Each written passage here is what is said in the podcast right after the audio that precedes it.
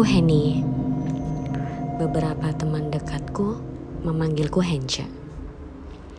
Aku akan menceritakan kejadian tahun 2012 di sebuah apartemen di bilangan segitiga emas Jakarta. Pada saat itu, aku menyewa sebuah unit apartemen dua kamar, tapi aku tinggal sendiri. Apartemen ini aku sewa full furnish, lengkap dengan perabotannya. Terdapat satu kamar utama dan satu bersebelahan dengan satu kamar kecil yang juga lengkap dengan perabotan tempat tidur, lemari, meja, dan lain-lain. Tapi kamar ini aku biarkan kosong. Kadang ditempati temanku yang menginap di sana. Suatu hari, ada temanku bernama Foni yang datang ke apartemenku, berniat curhat dan menginap di apartemenku. Malam itu, setelah puas mengobrol, kami pun tidur. Kami tidur bersama di kamarku, di kamar utama. Si Foni ini pada saat itu sedang sakit batuk parah. Nah, pada saat kami tidur, dia kumat batuk-batuk. Aku sih sebenarnya nggak terganggu dan nggak terbangun sama sekali.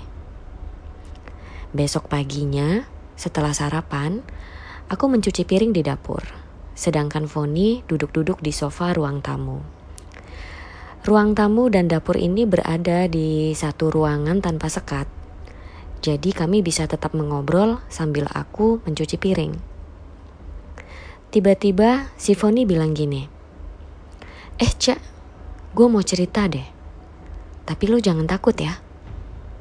Cerita apaan, Bo?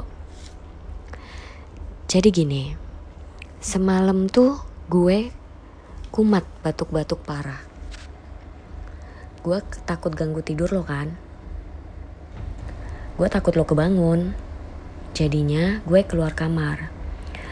Gue tidur di sofa ini. Sebelum tidur gue minum obat batuk.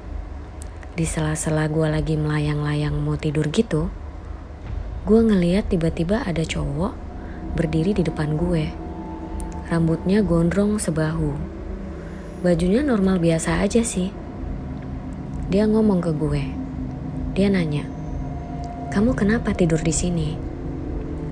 Terus gue jawab, "Oh, nggak apa-apa. Aku batuk. Takut ganggu Hence." Ya udah, kamu tidur aja di tempatku.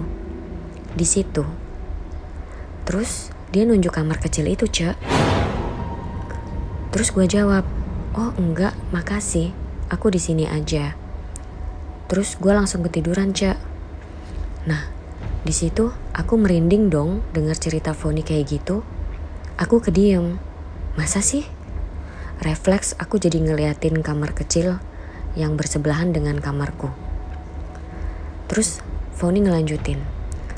Gue gak tahu ya Cak, ini halusinasi gue karena habis minum obat batuk atau beneran nyata. Tapi kayaknya sih nyata banget ya. Ya udahlah, lo gak usah pikirin. Tapi sejak itu aku ngerasa antara sendiri dan gak sendiri di apartemenku. Kepengennya sih mengabaikan cerita Foni, anggap aja halusinasi. Tapi jadinya aku jadi berpikir bahwa aku memang gak sendiri.